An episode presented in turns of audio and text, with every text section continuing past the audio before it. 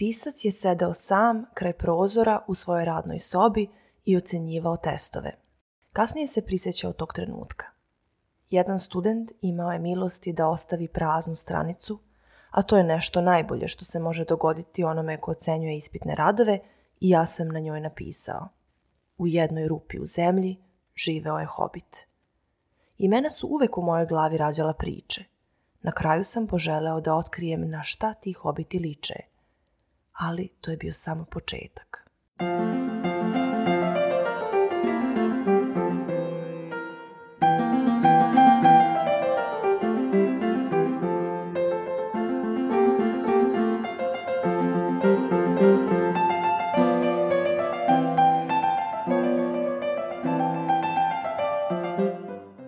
Dobar dan, dragi slušaoci. Ja sam Aleksandra, a vi slušate podcast Digitalnog omladinskog centra Gradske biblioteke u Novom Sadu. Posle duže pauze ponovo se vraćamo u književnosti i govorimo o novim temama. Ove godine, 2023. obeležavamo 50 godina od smrti profesora Johna Ronalda Ruela Tolkina. Nemojte da propustite interesantnu izložbu koju su ovim povodom radile kolege iz Informaciono-referalnog centra – možete je pronaći na YouTube kanalu Gradske biblioteke u Novom Sadu. Tako da ćemo se ovom prilikom i mi baviti likom i delom ovog slavnog pisca, epske fantastike. Proću kroz nekoliko glavnih tačaka u biografiji kako bismo videli odakle je pisac crpao inspiraciju, pa ću se pozabaviti mitovima, starim epovima i književnim delima koja su direktno uticala na Tolkienov svet. Posebno ću se zadržati na prstenu – njegovim karakteristikama i simbolici prstena kao čarobnog predmeta u mitologiji i tradicionalnoj kulturi uopšte. Bavit ću se i ženskim likovima gospodaru prstenova i prikazom maskuliniteta i ukratko opštom analizom dela. Tako da ako vas ovo interesuje, udobno se smestite jer je pred nama duga priča.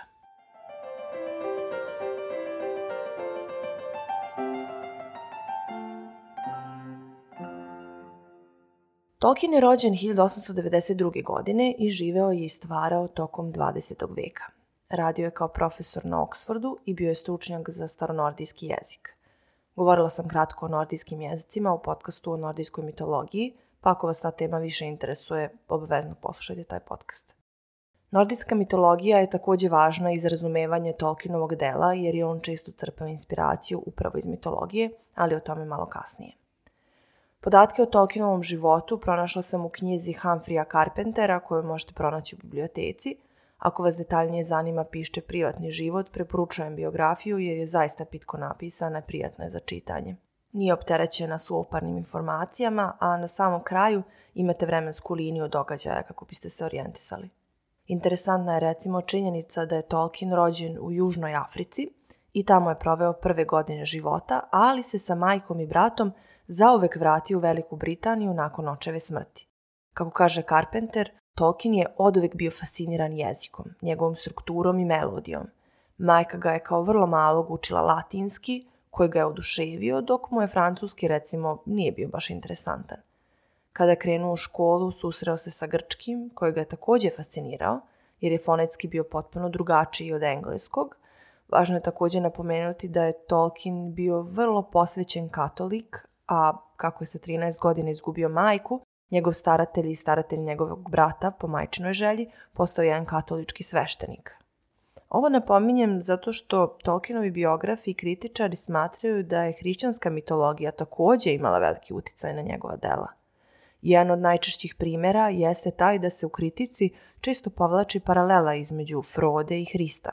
Tokom školovanja je uvek bio izuzetan, sa posebnim zanimanjem i talentom za jezike, kako sam već i napomenula, zainteresovao se za filologiju i istoriju jezika, pa je počeo da proučava staroengleski, čitajući Beowulfa, pa onda i staronordijski kroz bajke Andrewa Langa. Posle toga učio je gotski jezik, sa 19 godina dobio je stipendiju za studije na Oksfordu i tada kreće njegova akademska karijera. Nama će biti bitan jedan poseban detalj iz njegove biografije, a to je putovanje u Švajcarsku. Tokom tog putovanja Tolkien je pronašao razglednicu sa slikom Jozefa Madlenera pod nazivom Gorski duh. Na razglednici se vidi starac sa belom bradom koji sedi u šumi na kamenu i igra se sa košutom. Godinama kasnije Tolkien je zapisao na pozadini razglednice Gandalfovi koreni.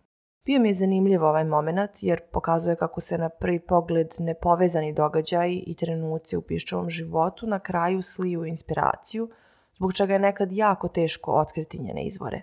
Tolkien se na Oxfordu specijalizovao za engleski jezik sa izbornim staronordijskim i naravno proučavao stare ede.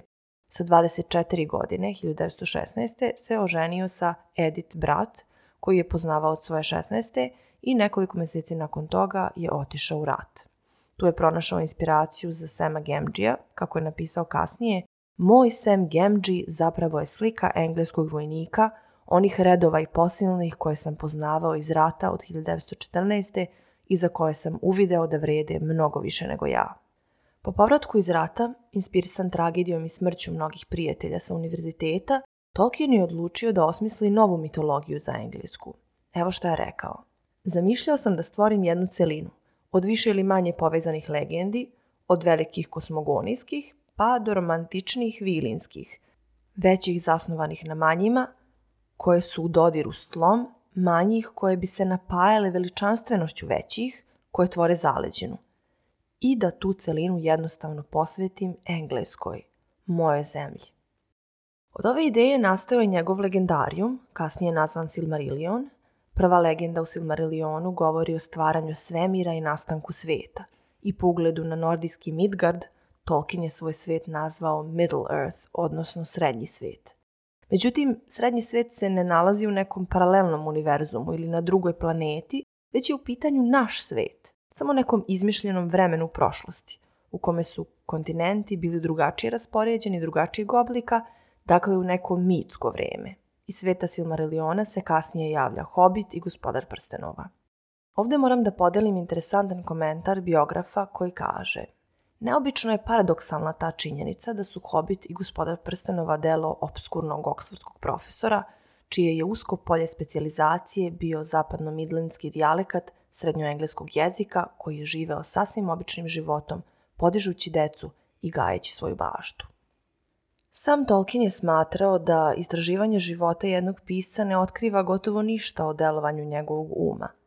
Koliko god to bilo tačno, ipak je sam sebi protivrečio kada je napisao Ja sam u stvari hobit po svemu osim po veličini. Volim bašte, drveće i mehanizovane farme, pušim lulu i volim dobru jednostavnu hranu koja nije držana u frižideru, a prezirem francusku kuhinju. Volim pa se čak i usuđujem da ih nosim u ovo sivo vreme živopisne prsluke.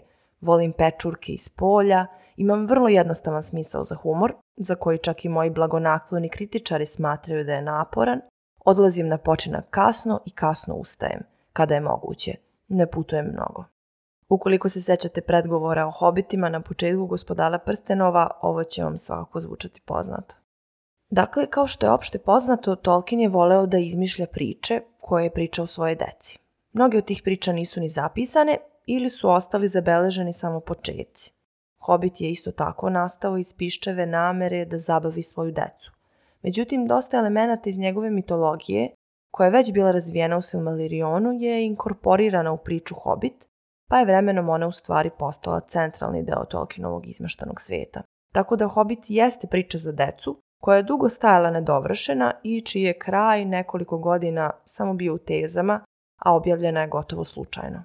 Naime, porodična prijateljica Tolkienovih je spomenula svojoj drugarici Susan Dagnall, koja je radila u izdavačkoj kući, kako profesor Tolkien ima divan rukopis za decu, pa je drugarica tražila da ga pročita i Tolkien joj ga dao. Susan se rukopis dopao, pa je tražila od Tolkiena da ga završi kako bi ga objavila. I kako se kaže, ostalo je istorija. Roman se dopao i publici i kritici, tako da je ubrzo postao bestseller. Drugo izdanje štampano je u Americi, nakon čega je osvojilo nagradu New York Herald Tribuna za najbolju dečju knjigu godine, tako da izdavač tražio Tolkina da napiše i nastavak. Tolkien mu je ponudio Silmarillion. Međutim, izdavač mu je na to odgovorio Silmarillion sadrži mnogo divnog materijala, to je zapravo više rudnik koji treba eksploatisati, pišući nove knjige kao što je Hobbit, nego knjiga sama po sebi. Nama je sada strahovito potrebna knjiga koja će slijediti uspeh Hobita. Nakon ovoga Tolkien počinje da piše gospodara prstenova, a priča je postepeno dobijala mnogo mračniji ton, veće uloge i kompleksniju fabulu. Tako da je na kraju gospodar prstenova više nastavak Silmariliona nego Hobita, jer su svi fiktivni jezici i sva mitologija koji su razvijeni za Silmarilion sada poslužili kao istorijska potka za gospodara prstenova. Isto tako s obzirom na samu prirodu priče, dakle herojski narativ i sam narativni stil je dosta uzvišeniji, visokoparan i arhaičan, jer je pisac smatrao da veličanstvena priča epskih razmjera sa herojskom tematikom mora biti napisana svečanim stilom. U knjizi Tolkienov prsten David Day istražuje poreklo i inspiraciju za Tolkienovu priču o prstenu – u tradiciji priča o potrazi za prstenom koje potiču iz vremena, kako kaže autor, pre nego što su sagrađene egipatske piramide. Znači još od plemenskih zajednica pre samog pisma. Ako vas ova tema više interesuje, možete pronaći knjigu Davida Deja, Tolkienov prsten, u Gradskoj biblioteci u Novom Sadu. Kako kaže David Day, Tolkien koristi univerzalni jezik mitskih slika, izvučenih iz rane istorije čovečanstva. Dakle, od skandinavske mitologije – preko legendi o kralju Arturu, keltskih i saksonskih mitova, viteških romana, grčkih i rimskih mitova i biblijskih legendi. Kada je u pitanju Tolkienova želje da stvori englesku mitologiju, Day kaže Veličina ovog poduhvata je zapanjujuća. To je kao da je Homer, pre nego što je napisao Iliadu i Odiseju, prvo morao da izmisli celu grčku mitologiju i istoriju. Zaista je izuzetan nivo na kojem je uspeo to da ostvari. U velikoj meri Tolkienova izmišljena mitologija, popularno je u Braziliji, definitivno postala mitologija engleske. Osim toga, to je sigurno najsloženiji i najdetaljniji izmišljeni svet u celokupnoj književnosti. Kad se sve uzme u obzir, nije ni čudo što je Tolkienu trebalo punih 12 godina da napiše gospodara prstenova, a do samog trenutka objavljivanja prošlo je čitavih 16. Ono što je prethodilo i mitologiji bili su Tolkienovi izmišljeni jezici. Kako je bio vrlo talentovan za jezike, što sam ranije napomenula, još od detinstva je iz zabave izmišljao nove jezike i pisma. Dva najrazrađenija jezika koje je osmislio i koja su korišćena prilikom stvaranja imena junacima su kvenijski i sindarinski, jezici vilenjaka. Kvenijski je inspirisan finskim jezikom i to je jezik visokih vilenjaka, eldara, dok je sindarinski jezik sivih vilenjaka koji je nastao po uzoru na keltski i velški – izmislio je ukupno 15 jezika, među kojima su jezik patuljaka, jezici enta, crni govor Mordora, obični govor Srednje zemlje i tako dalje. Uticaj nordijske mitologije je vrlo očigledan. Za početak, sva imena patuljaka u Hobitu preuzete su iz starih Eda. Čak je i Gandalf ime patuljka iz stare Ede, koje na islandskom jeziku znači vilen vrač, odnosno čarobnjak. Nordijski vrhovni bog Odin, koji se po mitologiji smatra gospodarem prstenova devet svetova i njegov prsten Draupnir, je direktna inspiracija za Saurona i Tolkienov jedan prsten, koji svima vlada. Izvor inspiracije za Tolkiena bio je i Šekspir, iako nije voleo njegova dela. Generalno nije bio ljubitelj drame kao književne forme, ali ga je Šekspir posebno nervirao zbog načina na koji je koristio mitove, legende i magiju i nisu mu se dopadali gotovo melodramatični raspleti u njegovim dramama, što je praktično blasfemija kada je u pitanju tako veliki i važan pisac u istoriji književnosti. E sad, bez obzira što nije voleo Šekspirovo delo, kako sam rekla, ipak ga je inspirisalo. Tako da nije u pitanju omaž Šekspiru ili želja da se nadoveže na njegovo delo, već da ispravi određena mesta u fabuli koja su ga posebno nervirala. U pitanju je drama Macbeth. Ne znam da li se sećate scene na samom kraju drame, koja predstavlja ispunjenje proročanstva. Dakle, proročanstvo glasi da će Magbet biti poražen dolaskom Birnemske šume na Dancinejsko brdo. To je rešeno tako što se neprijateljska vojska sakrila sa granama iz Birnemske šume i tako marširala na Dancinejsko brdo. Ovaj trik Tolkiena nije oduševio, da tako kažemo, pa je inspirisan time izmislio ente, drveće koje zaista ide u bitku i na taj način je podario mitološku priču kao temelj ovom proročanstvu u Magbetu. Dalje, gospodar utvara prstena, veštac kralj od Morgula, koji je prodao svoju dušu Sauronu u zamenu za moć, je u stvari arhetip priče o Magbetu. Tako da, kao i Magbeta, i vešca kralja prati proročanstvo, a njegovo glasi da ne može da bude ubijen čovekovom rukom, pa ga na kraju ubija ruka žene. Doduše, ova igra reči ne funkcioniše baš najbolje na srpskom jeziku, jer mi razlikujemo reč čovek od reči muškarac, ali dobro, shvatili smo poentu. U tom smislu Tolkien osmišljava priču koja treba da bude vekovima starija, a u isto vreme da deluje kao da su iz nje potekle sve priče o prstenu koje su u stvari bile Tolkienova inspiracija. I sve to treba da stvori osjećaj da nije u pitanju fikcija, već istorijsko predanje o nekim davno zaboravljenim događajima koji su ostali u podsvesti čovečanstva, a njihovi fragmenti se mogu pronaći u poznatim delima iz književnosti, u mitovima i legendama, narodnim pesmama i starim epovima. Vrlo očigledan primjer ovoga je priča o padu Numenora, koji je u stvari prerada mita o Atlantidi. Dakle, pisac preuzima drevnu legendu i stvara priču tako da deluje da je to prava istorija, na kojoj je legenda zasnovana. Kako ne bismo imali nikakve nedoumice, visokovilenjačka reč za Numeror je Atlante. Numenor je veliko ostrvo koje se nalazilo zapadno od srednje zemlje. To je bila najveća kraljevina ljudi koja je uništena u borbi protiv Morgota i Saurona tokom drugog doba. U priču o osnivanju Numenora upleten je igrački mit o Kastoru i Poluksu, ali moram ovde da se zaustavim jer sam već otišla predaleko sa analogijama ne smemo zaboraviti i uticaj hrišćanske mitologije na Tolkienovo delo, koji je takođe veoma važan. Posebno je vidljiv u priči o stvaranju sveta, gde imamo borbu između Erua i Melkora, koja u mnogome posjeća na borbu između Boga i Satane.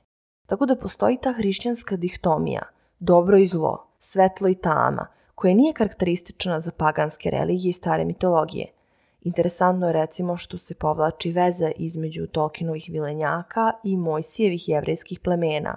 Kao i Mojsijev narod i vilenjaci su izabrani narod. U hrišćanskom ključu vilenjake možemo da vidimo i kao predstavu čoveka pre pada u hrišćanstvu, dakle čoveka još u Edenskom vrtu. Pošto vilenjaci nisu pali u teološkom smislu, nisu počinili prvobitni greh, zbog toga su uzvišeniji i moćniji od ljudi – Oni su nedostižni rukotvorci, pesnici, kaligrafi i tako dalje. Ono što ih takođe izdvaja od ljudi jeste to što su besmrtni, ukoliko ne poginu u bici. Ne poznaju starost, bolest ili smrt i zato su savršeni ideal. Mogli bismo reći savršeni ljudi. Evo šta sam Tolkien kaže za vile i vilenjake kao likove iz folklora – Stvorio ih je čovek na svoju sliku i priliku, ali slobodne od svih onih ograničenja za koje osjeća da ga najteže pritiskaju. Besmrtni su, a njihova volja je neposredno delotvorna u ostvarivanju maštanja i želja. Dakle, u okviru Tolkienove mitologije vilenjaci su bića iz mitova i legendi koje su izmislili ljudi maštajući o savršenom čoveku kojeg ne more neka od osnovnih ljudskih briga i ograničenja.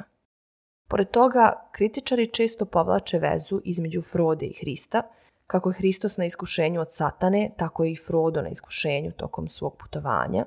Pristavši da odnese prsten u Mordor, Frodor se žrtvuje zarad dobrobiti čitavog sveta, a uništivši prsten, on postaje svojevrsni spasitelj. Dalja paralela sa hrišćanstvom je legenda o prstenu kralja Solomona i poput jednog prstena i Solomonov prsten može da iskvari svoga nosioca – što ga je na kraju i uništilo. Ovo je sad odličan uvod da se malo pozabavimo idejom čarobnog prstena i odakle ona potiče i kakve su njegove karakteristike. Dakle, jedini prsten što svima gospodari je stari arhetip, preuzeti iz nordijske mitologije, epova i srednjovekovnih legendi. Međutim, interesantan je način na koji je Tolkienov prsten gotovo personifikovan. Prsten ima svoju volju, on odlučuje kada i da li će promijeniti vlasnika, isto tako izlači ono najgore iz svih koji su sa njim u kontaktu, jačajući ljudsku pohlepu i žudnju za moći. Najočigledniji primjer je naravno Golum, jer ga je prsten u potpunosti uništio. Dao mu je neprirodno dug život, ali je iscrpeo iz njega svu ljudskost, sveo ga samo na nagone, odveo u ludilo i učinio ga u potpunosti zavisnim svog uticaja. E sad, Kao što sam spomenula, Tolkienova inspiracija za prsten verovatno je potekla od mita o Odinu, vrhovnom bogu iz nordijske mitologije, jer kako tvrdi David Day, sam Odin je bio inspiracija za Saurona. Odin je vikinški bog, čarobnjak, a obožavanje Odina je bilo simbolizovano prstenom, kao što je recimo simbol Hrista i hrišćanstva krst. Odinov prsten zvao se Draupnir i kad ga je Odin pronašao, postao je gospodar prstena od devet svetova. Interesantno je da Odin žrtvuje svoje oko u potrazi za znanjem i mudrošću, a Sauron vaskrsava kao jedno svevideće oko, jer žrtvuje sve ostalo zarad moći. Još jedan paralelizam između Odinovog i Sauronovog prstena je i način na koji su napravljeni. I jedan i drugi prsten iskovali su vilenjaci, koji su bili najbolji u svom zanatu. U Draupnira uložena je sva mudrost Odinova, a u jedan prsten sva mudrost Sauronova – Isto tako, Odinov prsten svakih 9 dana stvara novih 8 moćnih prstenova, što mu daje neograničeno bogatstvo, a poklanjajući te prstenove kraljevima i velikašima, on postaje gospodar prstenova. Kao što vidite, vrlo je očigledna veza sa Sauronom i prstenovima moći. E sad, s obzirom da je Odin u mitologiji prilično neutralan, dakle ni dobar ni zao, pošto je bog, on prosto jeste tako da se njegovo neograničeno bogatstvo i moć, kao i suverena vlast nad svih devet svetova, ne osporava. Sauron je sa druge strane otolotvorenje zla, kojem se mora suprotstaviti, jer moć i bogatstvo koje bi mu prsten doneo uništilo bi svet. Drugi važan mitološki izvor je Volsunga saga, priča o velikom junaku Sigurdu, zmajoubici i prstenu Andvarinautu. Ovaj mit je popularizovan Wagnerovom operom Prsten Nibelunga i vrlo je šarolik. Ima svega. Od izdaje, incesta, borbe za presto, magije, slobljenog mača kraljeva, setit ćete se Aragornovog mača, moćni prsten, zmaj i naravno bogovi koji su umešani u čitavu avanturu. Sređena verzija ove nordijske sage može se pronaći u srednjevekovnom epu Pesma o Nibelunzima – Ovaj svet je mnogo uglađeniji i u njega se ne mešaju bogovi direktno i on mnogo više liči na Tolkienov svet. Ovo je poznata priča o kraljevima Gunteru i Sigfridu koji se bore za kraljice Brunhildu i Krimhildu. A što se tiče srednjovekovne inspiracije, to su i legende o kralju Arturu. Iako je Tolkienovo mitološko uporište ciljno bilo na severu, a ne na Mediteranu, ipak i u grčkoj mitologiji pronalazimo prsten, koji je vezan za mit o Prometeju, Kada se Zevs pokajao što je Prometeja kaznio, nije mogao tek tako da ga pusti jer je bio vezan svojom zakletvom da će okovi trajati večno. Zato je dozvolio Herkulu da spase Prometeja, pa je onda od slomljene karike lanca kojim je Prometej bio vezan i pačeta stene Kavkaza za koju je bio okovan, napravio prsten i dao ga Prometeju. Na taj način je održana zakletva da će Prometej zaovek ostati zakovan za Kavkasku stenu. Ono što je konstanta u svim mitovima u kojima se spominje prsten ili potraga za prstenom, u osnovi su obredi i procesi vezani za metalurgiju, jer je tajna topljenja i kovanja gvožđa u vremena nastanka mitova bila vrlo dragocena.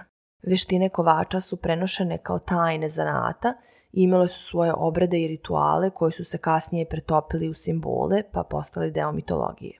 Univerzalno prsten, s obzirom da predstavlja krug, je simbol večnosti, celine, jedinstva, savršenstva i tako dalje. Ali sama priroda prstena, dakle jednog magičnog predmeta koji je pokretač priče, više podsjeća na 19-vekovna romantičarska dela fantastike i gotskih romana, poput slike Dorijana Greja ili Puškinove pikove dame. U čemu je stvar? Dakle, imamo junaka slabe volje, koji ima određene želje i ambicije, pa se u jednom trenutku domogne čarobnog predmeta. Takav junak se nalazi u iskušenju, ali od početka ima sklonosti ka poroku i grehu, koja onda taj magični predmet postiče i podržava, pomogavši mu da ostvari svoje ambicije bez imalo truda. Sljedeći korak je gubitak kontrole nad kobnim predmetom koji sam po sebi postaje nagrada, dok junak sve dublje i dublje propada. Na kraju sam predmet postaje kazna. Ovaj siže je gotovo identičan u priči o Golumu, načinu na koji se Golum domogao prstena, ubio brata i polako se više i više propadao i u potpunosti se predao vlasti prstena. Golum je postao rob prstena, junak više ne posjeduje predmet, već predmet posjeduje njega. I na samom kraju mu žrtvuje i život. Preporučujem članak Isidore Đolović, Magični predmeti kao književna tema koju možete pronaći na internetu. Na prvi pogled u iskušenju smo da gospodara Prstenova tumačimo kao alegoriju drugog svjetskog rata zbog samog istorijskog trenutka u kome je delo nastalo, kao i tema kojima se bavi, borbi dobra i zla, rata širokih razmjera dalje. Međutim, sam pisac se protivio takvom tumačenju pa je rekao ja iz dna duše ne trpim alegoriju u svim njenim pojavnim vidovima i oduvek sam bio takav, otkako sam dovoljno stari lukav da otkrijem njenu prisutnost. Mnogo više volim istoriju, istinitu ili izmišljenu, s njenom raznolikom primenjivošću na mišljenje i iskustvo čitalaca. Mislim da mnogi menjaju primenjivost sa alegoričnošću, ali prva je u slobodi čitaoca, a druga u planskoj dominaciji autora. Ako uzmemo u obzir ove piščeve reči, gospodar Prstenova nije zamišljen kao alegorija drugog svjetskog rata, ali je svakako ta etiketa primenjiva na roman. Još jedna važna smernica za tumačenje jeste i piščevo viđenje epske fantastike i načina na koji funkcioniše ovaj žanr u odnosu na stvarnost. Dakle, pripovedač stvara sekundarni svet u koji može da uđe vaš um. Unutar tog sveta tvorac čitaocu prenosi istinu u skladu sa njegovim zakonima. Dakle, svaki pisac koji stvara sekundarni svet, kaže Tolkien, želi u izvesnoj meri da bude pravi tvorac – ali se nada da trpe tvoraštvo i stvarnosti, da je osobeno svojstvo tog sekundarnog sveta, ako ne i sve njegove pojedinosti, izvedeno iz stvarnosti i da se u nju uliva. Ja bih na to dodala da je najveći deo književnosti u stvari fikcija, a ono što je u toj fikciji istinito ne zavisi od žanra ili forme dela, već od umetničkog kvaliteta. Čitala sam članak profesora Jima Reina sa Univerziteta u Ilanoju koji podlači da Tolkien kroz svoje delo obrađuje nekih sedam univerzalnih tema ili možemo reći da se bavi određenim opštim istinama u svom delu. Za početak imamo tradicionalnu priču o borbi dobra i zla. Ona je naravno sve prisutna u književnosti, još od mitova i bajki, ali je u Tolkienovo vreme postala vrlo relevantna, jer je Tolkien, kako smo rekli, stvarao tokom 20. veka, dakle u vreme dva svetska rata. Tako da je priča o dobru i zlu i o tome kako dobro na kraju pobeđuje veoma važna tema u ovom društveno-istorijskom trenutku. Čisto radi ilustracije, početkom 20. veka se pojavljuju i prvi superheroji, pa nakon Prvog svjetskog rata dolazi do ekspanzije stripova, a objavljivanjem Supermana 1938. počinje zlatno doba stripa. Tolkien naravno produbljuje ovu univerzalnu temu tako što je prebacuje i na unutrašnji plan. Dakle, njegovi junaci se bore protiv zla, ne samo na bojnom polju, već i duhovno, u sebi samima. Najbolji primjeri su naravno Bilbo, Frodo i Gollum. Na njih prsten utiče iznutra i oni moraju da se bore protiv zla, dakle uticaje prstena snagom volje. Smigl je popustio i predao se zlu, pa postao Golum, senka čoveka, jadno i propalo stvorenje, Bilbo je uspeo da se odupre moći prstena uz Gandalfovu podršku, a Frodinu borbu pratimo tokom čitavog romana Gospoda prstenova, gde vidimo da je ova borba i fizički i duhovno veoma zahtevna i teška. Dok se sa jedne strane Frodo suprostavlja zlu, noseći prsten u Mordor, isto tako on se dobrovoljno javlja da izvrši taj zadatak jer ne može da odoli prstenu i ne želi da se odvoji od njega, što će na samom kraju umalo da ga košta života – i stavi na kocku sudbinu čitave srednje zemlje. Ali naravno sudbina mora da bude na strani dobra, pa tako je Golomu predodređeno da odigra odlučujuću ulogu na samom kraju i nesvesno spase Frodu i čitav svet od propasti. Druga opšta tema kojom se Tolkien bave u svom delu je vrlo interesantna jer se kosi sa tipičnim kapitalističkim i zapadnjačkim idejama individualizma, jer autor vrlo jasno pocrtava važnost zajedništva – i jedinstva u borbi protiv zla. I hobiti, i vilenjaci, i patuljci, i ljudi, pa čak i enti i čarobnjaci, svi moraju da prevaziđu svoje razlike i da se ujedine da bi imali ikakve šanse protiv snažnijeg i okrutnijeg neprijatelja. Ja bih ovdje još dodala i važnost i snagu pravog prijateljstva koja je ključ u pobedi glavnih junaka, na prvom mestu prijateljstvo Frode i Sema, pa naravno Pipina i Veselog i tako dalje. Treća opšta istina sastoji se u tome da svi zaslužuju drugu šansu i da je pokajanje moguće da se ljudi menjaju i pokušavaju da isprave svoje greške. Svi dobijaju šansu da se pokaju, ali je svi ne prihvataju. Frodo recimo nudi Golumu bezbroj šansi za pokajanje, ali on ih propušta, dok se Boromir kaje za svoj postupak i umire kao heroj. U skladu sa tim, naš lični put nije unapred predodređen, već ga mi sami biramo – što je još jedna univerzalna ideja. Ideja slobodne volje, koja znači da su naši postupci ono što nas definiše. Dobar primjer je Arujenin izbor, jer se ona odriče večnog života zarad ljubavi, što je jedna od ekstremnijih situacija u kojoj je lični izbor definisao sudbinu junaka. Peta istina glasi, apsolutna moć apsolutno kvari. Ovo je čini mi se i centralna ideja koja oblikuje čitav narativ jer je i sam pokretač priče Sauron i njegova žudnja za moći. A Sauron je predstavljen kao otolotvorenje zla, i ako bi se on domogao prstena, bio bi nezaustavljiv, što bi dovelo do uništenja Srednje zemlje. Dobar primer toga da žudnja za moći vodi u zlo su Gandalf i Galadriel, koji odbijaju da uzmu prsten. Kao veoma moćni, i u Galadrielnom slučaju i na visokom položaju, oni su svesni da bi im prsten podario apsolutnu moć, ili postali nezaustavljivi. Međutim, oboje su dovoljno mudri da znaju da niko ne bi trebalo da ima neograničenu dominaciju i da je nemoguće da ih takva moć ne iskvari i pretvori u tirane. Ono što je najtužnije jeste to što Gandalf kaže da se njegovo iskušenje pred prstenom sastoji u želji da čini dobro. Jer kako kaže Frodu, nemoj me iskušavati, jer ja ne želim postati drugi gospodar tame, a put prstena do mog srca vodi preko samilosti, samilosti spram slabosti i želje za snagom da činim dobro. Nemoj me iskušavati. Ne bih se usudio uzeti ga čak ni na čuvanje, da ga ne koristim. Želja da se njime služim bilo bi prevelika za moju snagu, a snaga će mi biti tekako potrebna. Predamnom su velike opasnosti. Tako da zaključujemo da je samo stremljenje ka moći zlo. Čak i kada su na početku u pitanju dobre razlozi, moć će iskvariti onoga koje posjeduje. Sljedeća važna ideja je da niko, koliko god mali, nije beznačajan i može odigrati ključnu ulogu i odlučiti o sudbini sveta. Ovo posebno ističe Gandalf, isturajući hobite u prvi plan, jer su hobiti narod koji nije nikada bio čuven po herojstvu niti sklon avanturama, na kraju se dolazi do zaključka da su skromnost, plemenitost i dobrota prave vrline koje su mnogo važnije od snage i viteštva.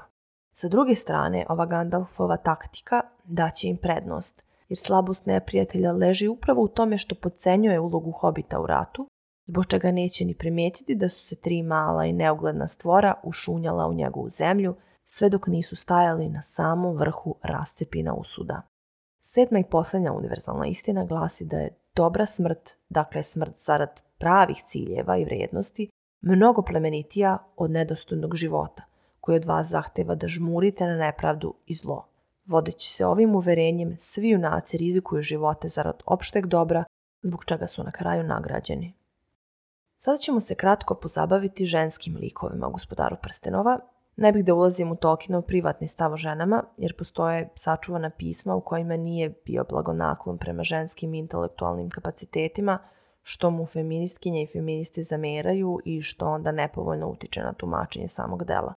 Ono što je na prvi pogled očigledno jeste da su ženski likovi u ozbiljnoj manjini, a sa druge strane junakinje koje se na kratko pojavljuju su prilično idealizovane. Pričala sam u ranijim podcastima kako su se kroz istoriju žene dugo delile na svetice i grešnice, dakle na device Marije i Eve. Tolkienove spadaju u ovu prvu kategoriju. Dakle, u svojoj savršenosti su gotovo svetice, što navodi na zaključak da je u pitanju uticaj hrišćanstva na Tolkienovo delo. I Galadriel i Aruena su u svakom smislu savršene. I prelepe i premoćne i verne. E sad, to može da se pripiše i činjenici da su vilinskog roda, jer su vile i vilenjaci uopšte predstavljeni kao moćni i savršeni od ljudi u svakom smislu. Junakinja za koju bi se moglo reći da odstupa od ovog pravila jeste Jovajna. S obzirom da je ona ljudskog roda i da nije vilenjakinja, dobija se prostor da se izgradi zanimljiv i kompleksan ženski lik – a čini mi se da je kroz Jovani lik pisac najjasnije predstavio svoje stavove o ratu, žrtvi i tome šta je zapravo ispunjen i srećan život. Kada upoznamo Jovajnu, ona je zarobljena na dvoru svog staratelja, koji polako propada zatrovanog uma.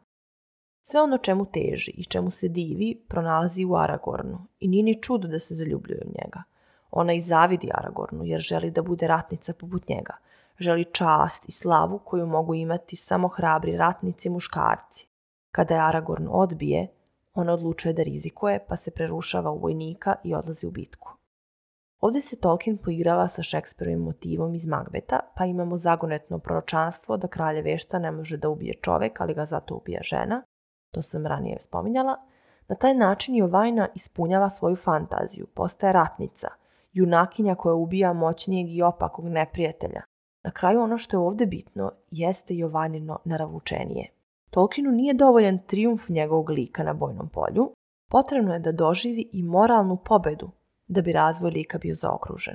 Za Jovajnu to je dolazak do saznanja da su saosećanje, milosrđe i nesebičnost isto tako važni i vredni divljenja, kao i trijumf u bitki. Tokom poravka nakon bitke, Jovajna opoznaje Faramira i njih dvoje se zbližavaju, što je čest slučaj nakon proživljene tragedije, a Jovajna odlučuje da se odrekne mača i da postane isceliteljka jer je to human poziv i umjesto da ubija da leči. E sad, feministička kritika nije baš oduševljena sa ovim Jovanjenim izborom jer na kraju ona preuzima tipično žensku ulogu iako se ranije svim silama borila da se otrgne od rodnog stereotipa. Ja nemam problem s tim što je Jovajna odlučila da ne želi da ubija ljude, već da ih leči. Šta više, Upravo se u tome krije Tolkienovo viđenje smisla ratovanja i života. U rat se ide jer se mora, da bi se odbranila domovina, ali na samom kraju ono što je humano jeste nega i briga o ljudima, a žudnja za slavom na bojnom polju je površna mladalačka ludost. Sličnu sudbinu proživao je i Faramir, koji je bio prinuđen da se dokazuje i uzaludno pogine samo da bi bio zapamćen kao junak. Što je ludost? tako da i ostali likovi neguju iste ideale, pa čak i Aragorn na kraju postaje iscelitelj. E sad, morat ću malo da pokvarim ovo opšte prihvaćeno pozitivno tumačenje i skrenem pažnju na nešto malo više pesimistično i kritično, čisto da pokrijemo sve frontove. Zašto je Jovajna jedini prisutniji ženski lik? I u kojoj meri je uopšte razrađena?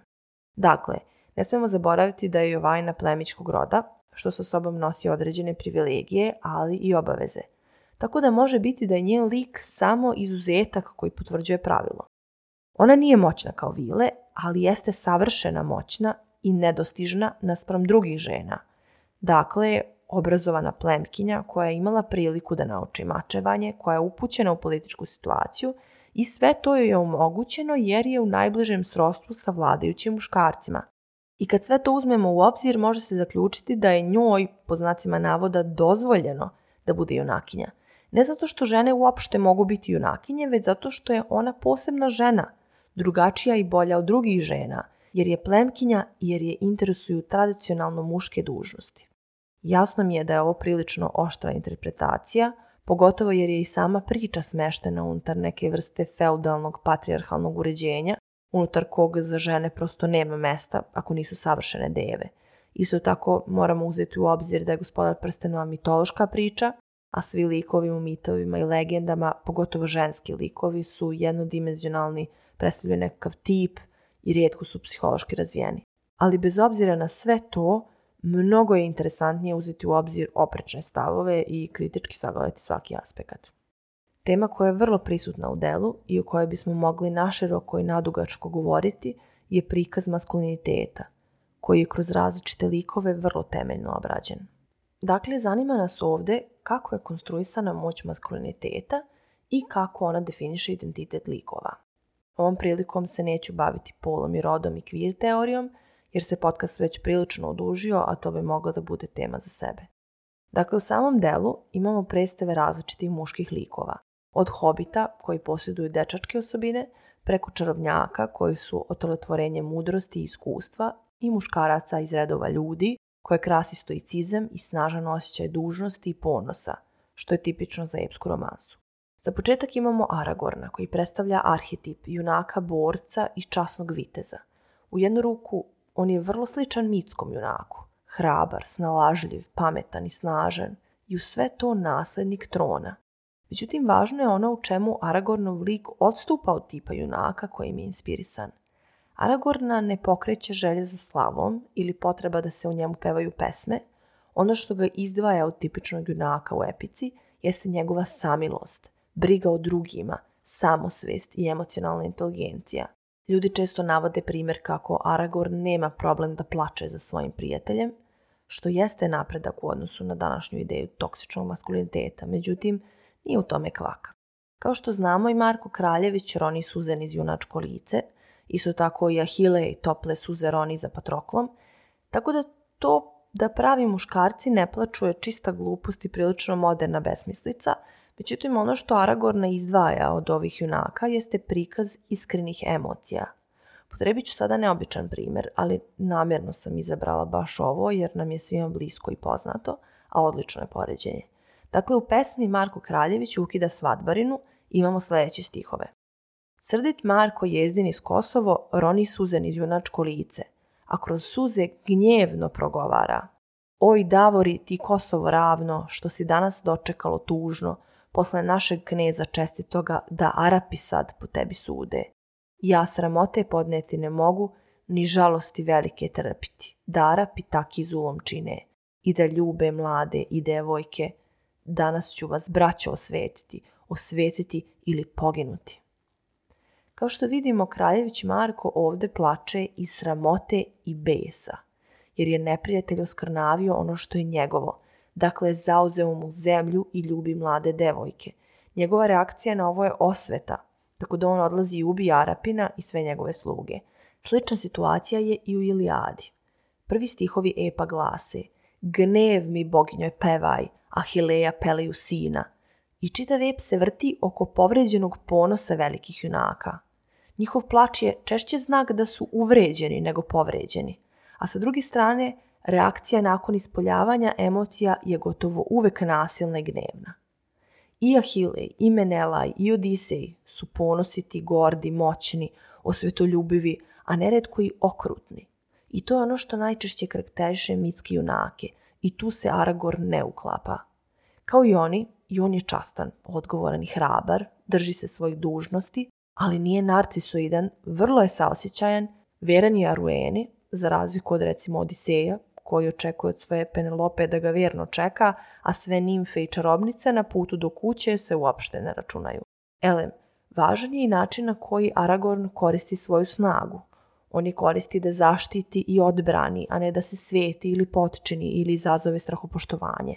Iz tog razloga ga se njegovi prijatelji i kasnije podanici ne plaše, već ga poštuju i vole. I kao što sam već rekla, na kraju on, poput Jovajne, postaje iscelitelj. Takođe je bitno da Aragorn nije glavni junak priče, on nije taj koji nosi prsten u Mordor, iako bismo mogli pretpostaviti da bi bio najkvalifikovaniji za taj posao, taj najteži zadatak dobili su hobiti. Na njihovom primjeru je pokazano da snaga ne leži samo u oružju – već je također bitna i snalažljivost i hrabrost, nežnost i saosećanje i naravno iskreno prijateljstvo. Zbog toga Aragorn na kraju kleči pred Frodom i taj čin ne ugrožava njegov ponos, već je dokaz njegove plemenitosti. Stoga je vrlo važan junak u priči Sam Gamgee, čija se snaga često previdi. Da nije bilo Sema, njegove podrške i nesebičnosti, Frodo nikada ne bi ni ispunio svoj zadatak. On je arhetip pomoćnika i najboljeg prijatelja glavnom junaku, međutim on preuzima aktivniju ulogu zaštitnika nego što je uobičajeno za njegov tip. Za razliku od Froda, podozriviji je i oprezniji, kada je u pitanju Golum, spašava Frodu od šelobe, odvaja od svojih oskudnih porcija kako bi sačuvao za Frodu i slično. Snaga i vrednost njegovog prijateljstva je kroz sve ove muke testirana i produbljena. Svi muški likovi, Legolas, Aragorn, Merry i Pippin, Frodo i Gandalf i tako dalje, ne ustežu se da pokažu emocije kada je to potrebno, a njihova bliskost je familijarna, prijateljska i sapatnička. Tako da na kraju možemo zaključiti da je u romanu prisutan zdrav maskulinitet za razliku od šablona koji se pronalazi u pričama koje su služile kao inspiracija za likove i samo delo. Na samom kraju želela bih samo da pročitam prikaz u Oxford Timesu nakon objavljivanja prvog romana Gospodar Prstenova. Surovo praktični neće imati vremena za ovu knjigu. Oni koji imaju zapaljivu maštu ustanovit će da su potpuno poneseni, da su postali deo jednog poslanja punog burnih događaja i bit će im žao što će uslediti samo još dve knjige. To bi bilo sve u današnjem podcastu o liku i delu Ronalda Ruela Tolkina. Dosta toga bi još moglo da se kaže, ali materijala je toliko da bi mogla da se napravi čitava sezona podcasta samo o Tolkienovom delu – postoje čitavi podcasti koji traju godinama, bave se samo Tolkienom, doduše na engleskom jeziku. Nadam se da sam uspela da obuhvatim neke od najbitnijih stvari i mislim da je ovo odlično polazište za dalja istraživanja za one koji žele više, a nadam se i da su i oni manje upoznati sa mitologijom uspeli da se snađu u čitavom haosu informacija. Znam da me odavno nije bilo i mnogo mi je žao zbog toga, ali je zbog organizacije rada trenutno takva situacija da će u budući biti manje epizoda nego do sada. Lepo se provedite za praznike, uživajte u čitanju, a mi se ponovo čujemo 2024. godine sa novim temama iz književnosti. Thank you.